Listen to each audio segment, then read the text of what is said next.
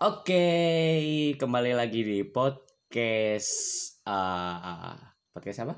PPKN, podcast pembelajaran kewarganegaraan bersama saya Pak Endung dan juga di sini ada biasa teman kita. Empat Endi.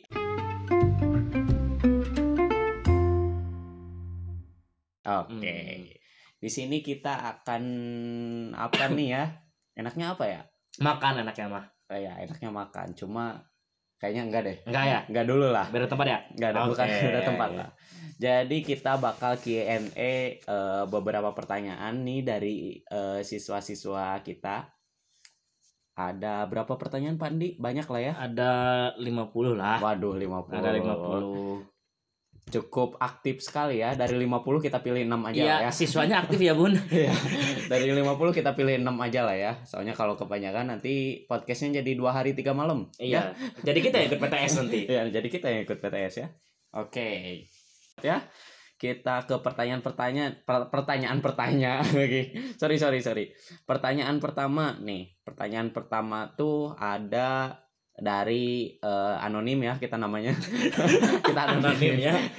kita anonim, anonimin ya namanya ya. Pertanyaan pertama, apa tujuan diadakannya gerakan pemuda di Indonesia?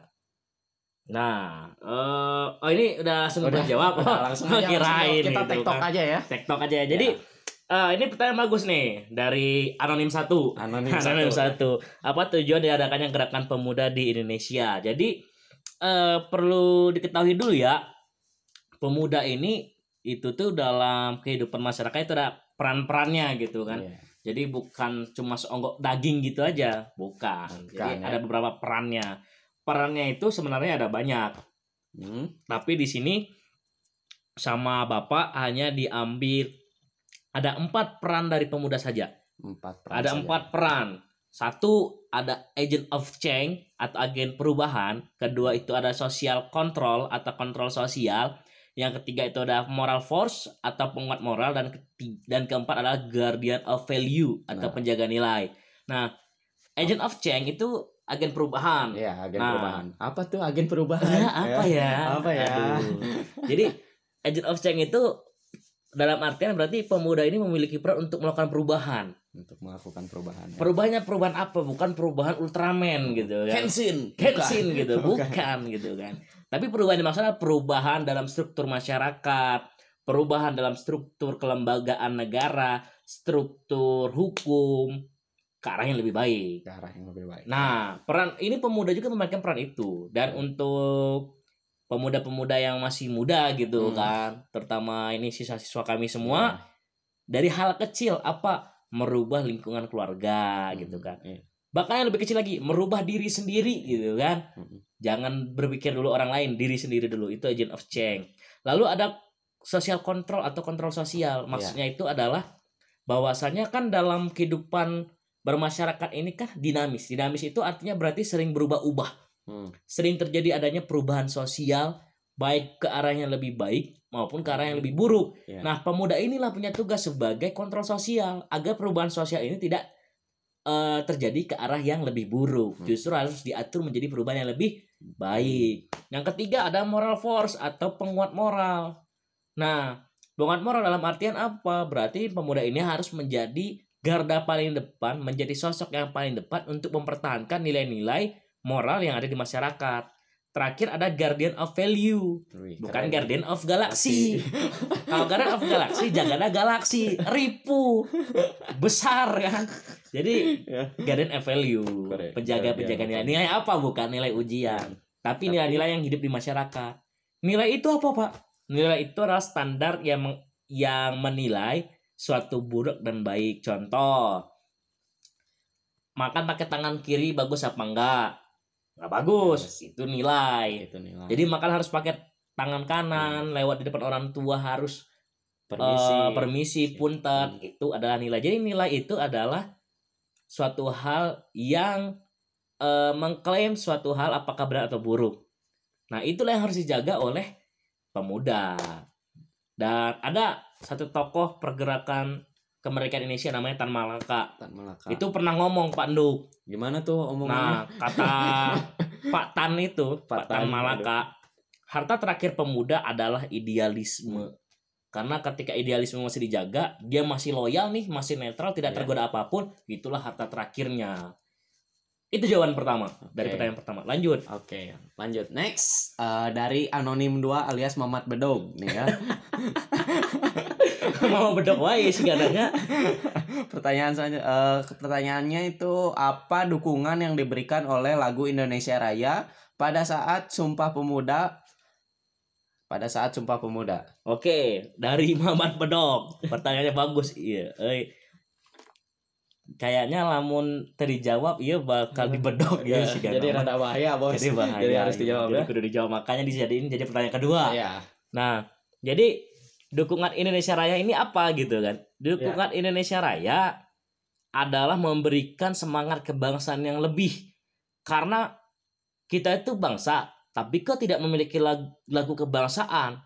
Makanya oleh eh, WR Supratman diciptakan suatu lagu yang pada awalnya juga bukan ditujukan sebagai lagu kebangsaan Indonesia, tetapi ketika pada saat itu ketika para tokoh pemuda yang menyelenggarakan Kongres Pemuda itu melihat, wah ini lirik lagunya bagus gitu kan. Makanya eh dijadikan sebagai salah satu lagu yang ada di Kongres.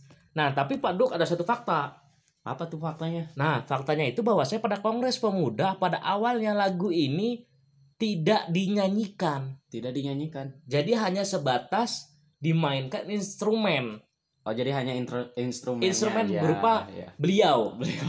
beliau, eh biola, Biola. biola, beliau, salah, ya maaf ya. Nah, instrumennya biola yang mainkan langsung sama WR Supratman. Nah, pada saat alunan biola itu dimainkan, itu para peserta kongres pada menangis semua. Karena apa? Karena mereka merasa bahwasannya wah ini memiliki eh, suatu makna yang mendalam pada lagu Indonesia Hmm. Raya itu. Lewat lagu Indonesia Raya itulah eh, semangat para pemuda ini eh, jadi menggelora gitu kan. Bahkan eh, dikutip dari Haryanto dalam tirto.id mengatakan bahwasannya pada saat itu kenapa kok lagu Indonesia Raya hanya dimainkan instrumennya saja karena takut Mm. takut digerebek sama Belanda Waduh. makanya dimainkan biola tapi ketika sudah dimainkan biola pada nggak puas ini peserta kongres. Nyanyi nyanyi. nyanyi nyanyi We want more. We, want more. we want more. Akhirnya lagu Indonesia Raya pakai biola lalu ada paduan suara. Jadi itu mantap sampai sekarang. Itu pertanyaan kedua dari Mamat Bedok. Oke. next. Sudah terjawab ya dari Muhammad Bedog. Selanjutnya pertanyaan ketiga dari Anonim 3 alias apa itu? Eh Mawar Mekarsari ya. Menu eh Mawar Mekarsari di sini bertanya menurut Sugondo Joyos Puspito, persatuan Indonesia dapat ditingkatkan melalui lima hal. Apa saja tuh lima Oke, halnya? lima hal itu ada satu Oke. sejarah. Kenapa kok sejarah? Karena eh, secara sosiologis eh, individu ini akan memiliki keturu ke- kesatuan yang lebih erat, memiliki hubungan yang lebih erat ketika memiliki kecenderungan garis keturunan yang sama. Contoh, saya sama Pak Nduk ngobrol ngobrol ngobrol ngobrol, tiba-tiba wah sama-sama orang Sumedang, wah jadi makin akrab. Kan kebiasaan seperti itu kan. Hmm. Jadi itu sudah menjadi kecenderungan sosiologis bahwasanya ketika kita satu keturunan itu kita memiliki kecenderungan yang lebih dekat, lebih akrab. Makanya lebih meningkatkan persatuan. Alasan keduanya karena ketika berbicara sejarah kita berbicara senasib. Sama-sama dijajah oleh Portugis, oleh Belanda, oleh Jepang. Nah, ketika kita satu nasib, kita akan lebih dekat, akan lebih akrab. Bro, gua kemarin ini ketimpa iya daun eh ditimpa ini sama durian Wah, aslinya bro. asli Tapi orang ayah kenalan dagang duren Eh. lima belas ribu. Begitu. Kan kan pasti durennya murah kudu dihedan oh, sorry sorry sorry, Ah, sorry. iya, intermezzo intermezzo itu biasanya. Jadi seperti itulah dari segi sejarah. Kedua dari segi bahasa. Dari segi bahasa ini eh, alasannya adalah karena mudah komunikasi. Ya kan? Ketika kamu sama teman kamu ketika mempunyai bahasa yang sama pasti enak kan komunikasinya gitu kan. Coba kamu punya teman sama orang Zimbabwe. Kayak Hmm. mana mau dekat? Ngomong juga hese gitu kan. Jadi makanya ketika bahasa kita sudah sama, itu akan lebih meningkatkan persatuan di antara kita. Yang ketiga, menurut Sugondo Joyo Puspito, yang menyatukan persatuan Indonesia adalah hukum. Kenapa kok hukum? Kok- Nah ini Bapak bawanya ke salah satu teori hukum. Nama teori hukumnya adalah Volges. Yang mencetuskan adalah von Savini. Nah, kata von Savini dalam teorinya Volges atau jiwa bangsa, bahwasanya dalam hukum itu terdapat jiwa-jiwa bangsa. Ketika hukum disusun berdasarkan jiwa bangsa, di situlah masyarakat akan lebih erat di dalam satu kepatuhan hukum. Nah, jiwa bangsanya itu apa? Jiwa bangsanya itu adalah nilai-nilai luhur bangsa tersebut. Kalau di Indonesia adalah Pancasila. Makanya kenapa kok hukum yang dilandasi oleh Pancasila yang bersumber uruhnya dari Pancasila itu akan meningkatkan persatuan bangsa Indonesia. Karena di dalam hukum tersebut terdapat volges atau jiwa bangsa Indonesia, yaitu Pancasila. Yang keempat adalah budaya atau kecen- eh budaya. Alasannya kenapa kok budaya? Kata Sugondo Joyo Puspito karena masyarakat ini ketika memiliki cen- kecenderungan kebiasaan yang sama, mereka akan lebih cenderung untuk dapat lebih mudah beradaptasi satu sama lainnya. Akan dapat lebih mudah berbaur lah. Contoh, saya sama Pak Jaduk baru tahu nih, baru kenalan, tiba-tiba tahu nih, oh dari orang Cahem, orang Ya. Cahem tuh budayanya suka parkir bus gitu Ya. kan. Sama ternyata saya juga orangnya orang Lui Panjang gitu kan, sama-sama suka budayanya parkir bus gitu kan. Ya, Nah, di situ kan makin lebih akrab Mm-mm. seperti itu. Terakhir ada pendidikan. ada Nah. pendidikan. Oh, bukan terakhir ini Bukan keberapa ini? Satu, dua, tiga, empat, empat, lima. Ada Kelima. lima, ada kelima nih. Nah, kelima itu ada pendidikan.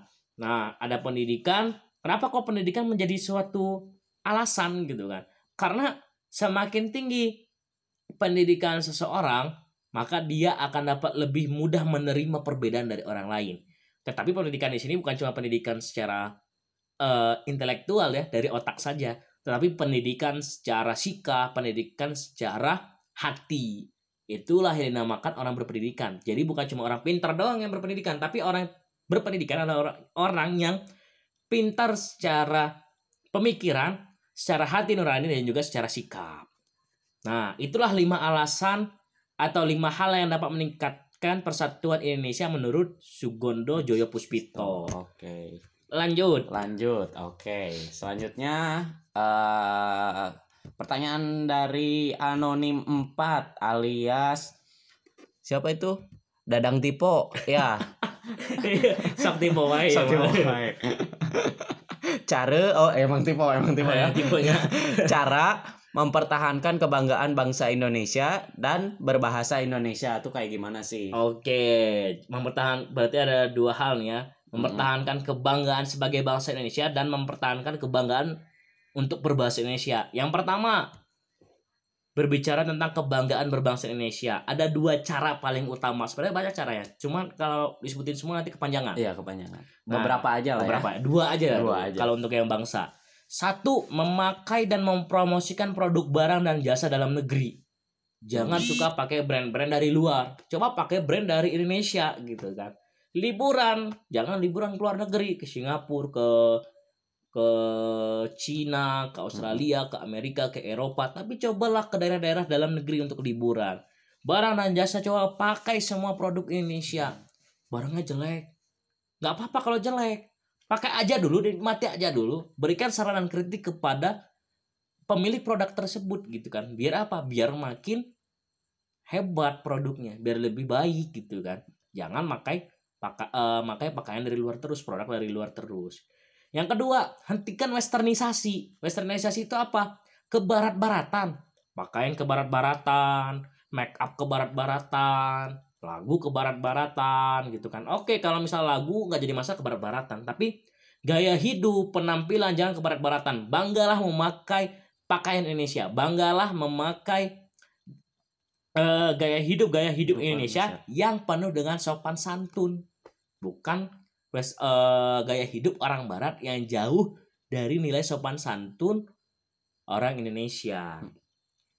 Itu dari segi kebangsaan kebangsaan. dari segi kebangsaan Dari segi bahasa. nih Ada dua juga. Satu, PD memakai bahasa Indonesia. Soalnya sekarang kan rame gitu ya.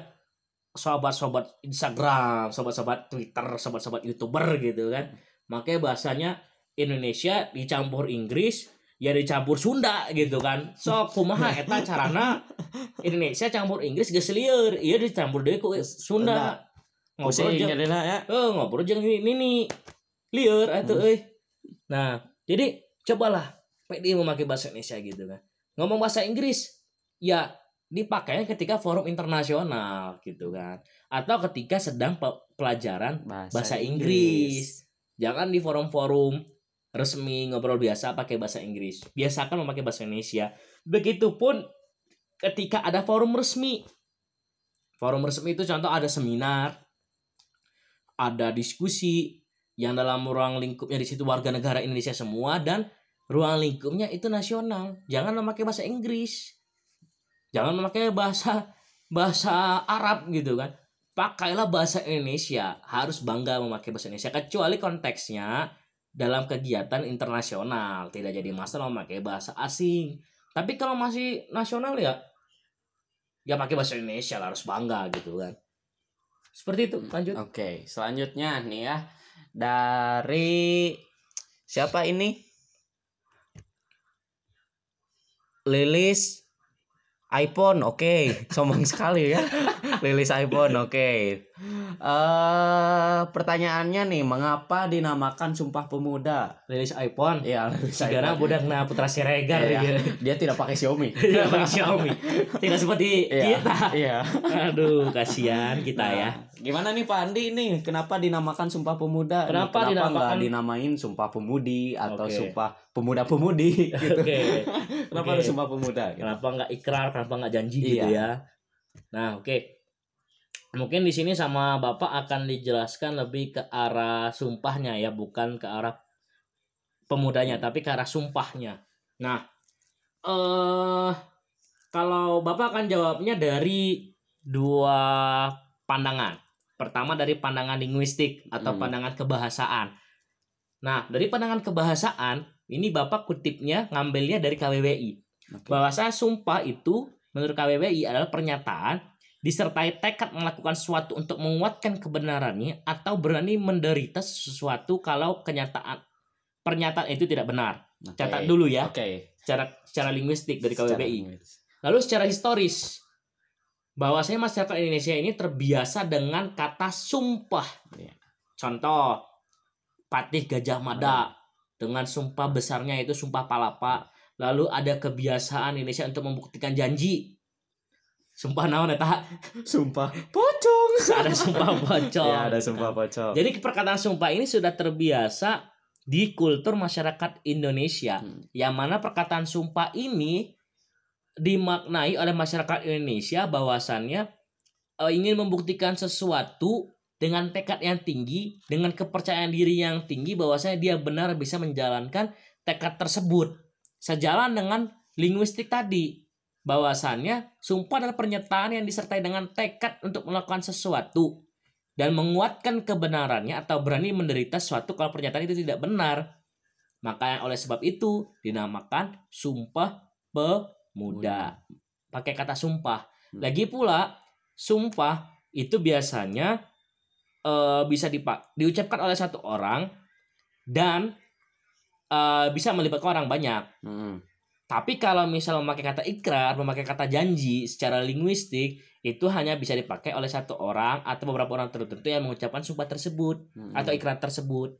Makanya dipakailah kata sumpah Sumpah. karena lebih general atau lebih umum. Hmm. Seperti itu. Ya. Sahabat neneng Lilis oh iPhone. lilis lilis iPhone. Oke. Tuh. Ayo Xiaomi tuh. Lanjut. ada. Pertanyaan Selanjutnya, terakhir. Pertanyaan terakhir, pertanyaan ke-6 dari anonim 6 dengan nama alias siapa ini? Ah topik teh gelas, oke. Topik teh gelas. Topik teh gelas, oke. Pertanyaannya, hak dan kewajiban apa yang dimiliki pemuda oleh Sumpah Pemuda gitu, atas Sumpah Pemuda gitu. Hak dan Jadi- kewajiban apa? hak hak dan kewajiban apa nih yang dimiliki oleh pemuda dari Hmm. Sumpah Pemuda itu oh, gitu. oke oke oke oke. Kurang lebih seperti itu pertanyaannya. Oke. Mangga Pandi? Dari berarti ke, diambil dari kacamata Sumpah Pemuda ya. Iya, dari kacamata. Nah, dari Pemuda. kacamata Sumpah Pemuda, hak pemuda itu setidaknya ada dua Mm-mm. yang paling penting. Satu, diakui sebagai penggerak perubahan Oke. karena kan fase eh, fase-fase kemerdekaan Indonesia itu setidaknya dibagi dalam beberapa fase. Pertama fase tahun 1908 kebangkitan nasional dengan berdirinya Budi Utomo dan Budi Utomo itu juga merupakan organisasi berbasis kepemudaan. Tahun 1928 tegaknya Persatuan Indonesia ditandakan dengan adanya Sumpah eh Kongres Sumpah Pemuda tahun 1928. Terakhir 1945 Proklamasi Kemerdekaan Indonesia yang mana ini di, di eh, dinaungi oleh para pemuda. Jadi pemuda-pemuda sekarang seperti kita semua ini berhak untuk diakui sebagai penggerak perubahan. Gak boleh dipandang sebelah mata. Seperti itu. Itu hak pertamanya. Hak keduanya difasilitasi oleh pemerintah untuk mengembangkan diri. Nah, Oke. Untuk kedua hak ini sudah ada tercantum dalam Undang-Undang Kepemudaan. Mm-mm. Salah satu hak yang dipenuhi oleh, oleh pemerintah apa? Pemerintah meng- eh, memfasilitasi wadah untuk mengembangkan diri pemuda dalam organisasi kepemudaan. Iya. Sok coba cari di rumah anak-anak semua. Ada nggak Karang Taruna? Nah, Karang Taruna itu diakui dan difasilitasi oleh pemerintah. Dan ada salah satunya adalah ada dananya. Beberapa tahun sekali ada pelatihannya. Itu salah satu bentuk hak pemuda Oke. dan wajib diminta kepada pemerintah. Lalu ada kewajiban. Kewajibannya sebenarnya ada banyak. Nah, Bapak ambil dua yang Ambil paling dua. penting. Yang paling penting. Satu, jelas pelajaran yang giat ya Iya, kan. jelas. Capek-capek itu pemuda tahun 1928 buat kongres pemuda gitu kan. Capek gitu kan. Sekarang kita pemuda pada malas belajar gitu kan. Nilai anjlok gitu Hmm. kan. Ngerakeun eta. Sentil we eta. Jadi kudu belajar yang giat Ya, harus belajar yang giat ya. Kedua, ikut serta membangun bangsa dan negara. Wah, keren nih. Dimulai dari hal-hal Kecil. kecil. Jangan langsung berbicara bangsa dan negara, hal-hal kecil yang mana keluarga. Keluarga. Ada yang nggak benar di keluarga benerin gitu kan. Bantu orang tua bagian daripada membangun bangsa dan negara. Keluarga udah bener ke masyarakat, ikut gotong royong. Kalau misal ada got, eh, membersihkan masjid, ikut Hmm. bersihin. Yang Kristen ikut membersihkan gereja. Jangan hari Minggu cuma datang ibadah, tapi ikut bantu-bantu bersihin gereja. Mm-mm. Yang Muslim Jumatan jangan cuma ngambil makan sama minum beres Jumatan gitu Iya. kan. Rusuh, chaos. chaos gitu Iya. kan. Ikut bantu bersih-bersih. Itulah kewajibannya dan masih banyak yang lain. Kalau misal anak-anak pengen tahu yang lebih lengkapnya buka undang-undang kepemudaan Hmm. seperti itu. Terjawab sudah semua? Oke, sebenarnya masih banyak pertanyaan, tapi saya rasa eh, kita rasa udah cukup cukup lah ya. Cukup Enam karena ini sudah capek. cukup meng- ya. ya Selain capek. capek, eh, enam ini juga sudah mewakili dari pertanyaan dari teman-teman juga ya. Wow, setelah kita Q&A ini jadi banyak, eh, jadi kita dapat menarik kesimpulan kalau kita eh, betapa pentingnya peran dari Sumpah Pemuda ini gitu. Iya, dan peran Nah. kita sebagai pemuda. Iya, peran dan juga eh Sumpah Pemuda itu sendiri gitu. Yoi. Nah, karena Sumpah Pemuda ini hal penting, saya akan menutup dengan salah satu kata kata mutiara dari podcast DS ya.